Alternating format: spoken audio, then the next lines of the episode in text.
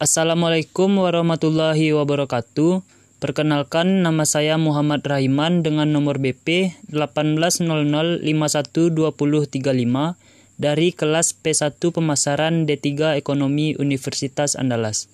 Baiklah, pada podcast ini yang bertujuan untuk ujian tengah semester mata kuliah praktikum penetapan harga dengan menganalisis studi kasus lapangan terkait dengan penerapan penetapan harga, dan identifikasi bagaimana proses komunikasi nilainya.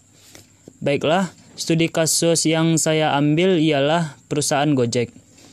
Uh, setelah tadi siang saya turun ke lapangan di kantor Gojek Padang yang berlokasi Jalan Olo Ladang nomor 18 yang berada di dekat Taplau. Jadi, Gojek merupakan perusahaan jasa yaitu ojek online yang sangat naik daun pada saat ini dikarenakan oleh mengikuti teknologi zaman sekarang. penerapan penetapan harga yang efektif dan komunikasi nilai pada Gojek tersebut Baiklah, setelah saya melakukan survei lapangan, jadi penerapan penetapan harga pada Gojek uh, yaitu uh, demand based pricing yaitu menetapkan harga jasa pengantaran berdasar, berdasarkan tarif per kilometer perjalanan yang ditempuh.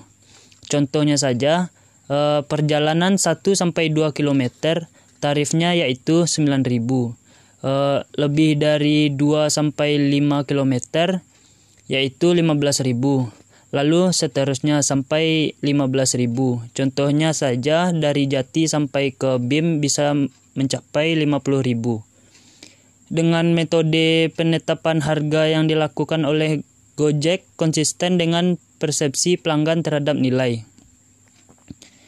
Penerapan penetapan harga pada Gojek lebih murah dibandingkan kompetitor atau pesaing yaitu oleh uh, ojek pangkalan yang membuat masyarakat lebih memilih Gojek dari segi pen penerapan penetapan harganya.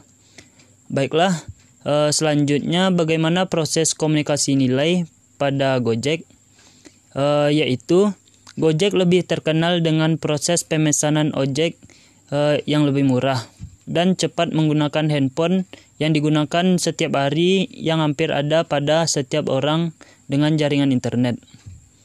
Jadi, komunikasi nilai yang dilakukan Gojek dengan melakukan promosi uh, seperti promo gratis uh, ongkir ongkos kirim pada fitur GoFood, uh, diskon 30% pada fitur GoRide. Uh, seperti harga 1 km harga perjalanan 1 km yaitu 9.000 bisa menjadi 6.000. Uh, lalu yang pastinya Gojek lebih unggul pada kualitas yang baik dengan harga yang murah daripada pesaing yang dapat menjadi komunikasi nilai pada Gojek. Contohnya saja lebih murah daripada ojek pangkalan dan pesaing on, pesaing online-nya yaitu Grab dengan harga tidak jauh beda akan tetapi kualitas Gojek lebih baik daripada Grab. Seperti layanan yaitu penjemputan yang lebih cepat, driver yang mudah didapat pada saat pemesanan,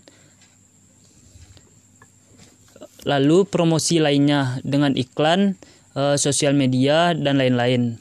Jadi kesimpulan dari perusahaan Gojek ini untuk mengkomunikasikan nilainya yaitu dengan cara menetapkan harga yang murah. Mempunyai banyak fitur seperti GoRide, GoFood, GoSend, dan GoShop.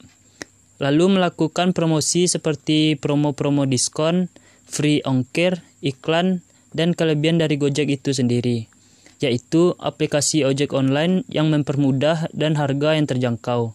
Baiklah, sekian podcast dari saya. Jika ada kesalahan atau kekurangan pada podcast saya, mohon dimaafkan. Saya akhiri. Assalamualaikum warahmatullahi wabarakatuh. Terima kasih.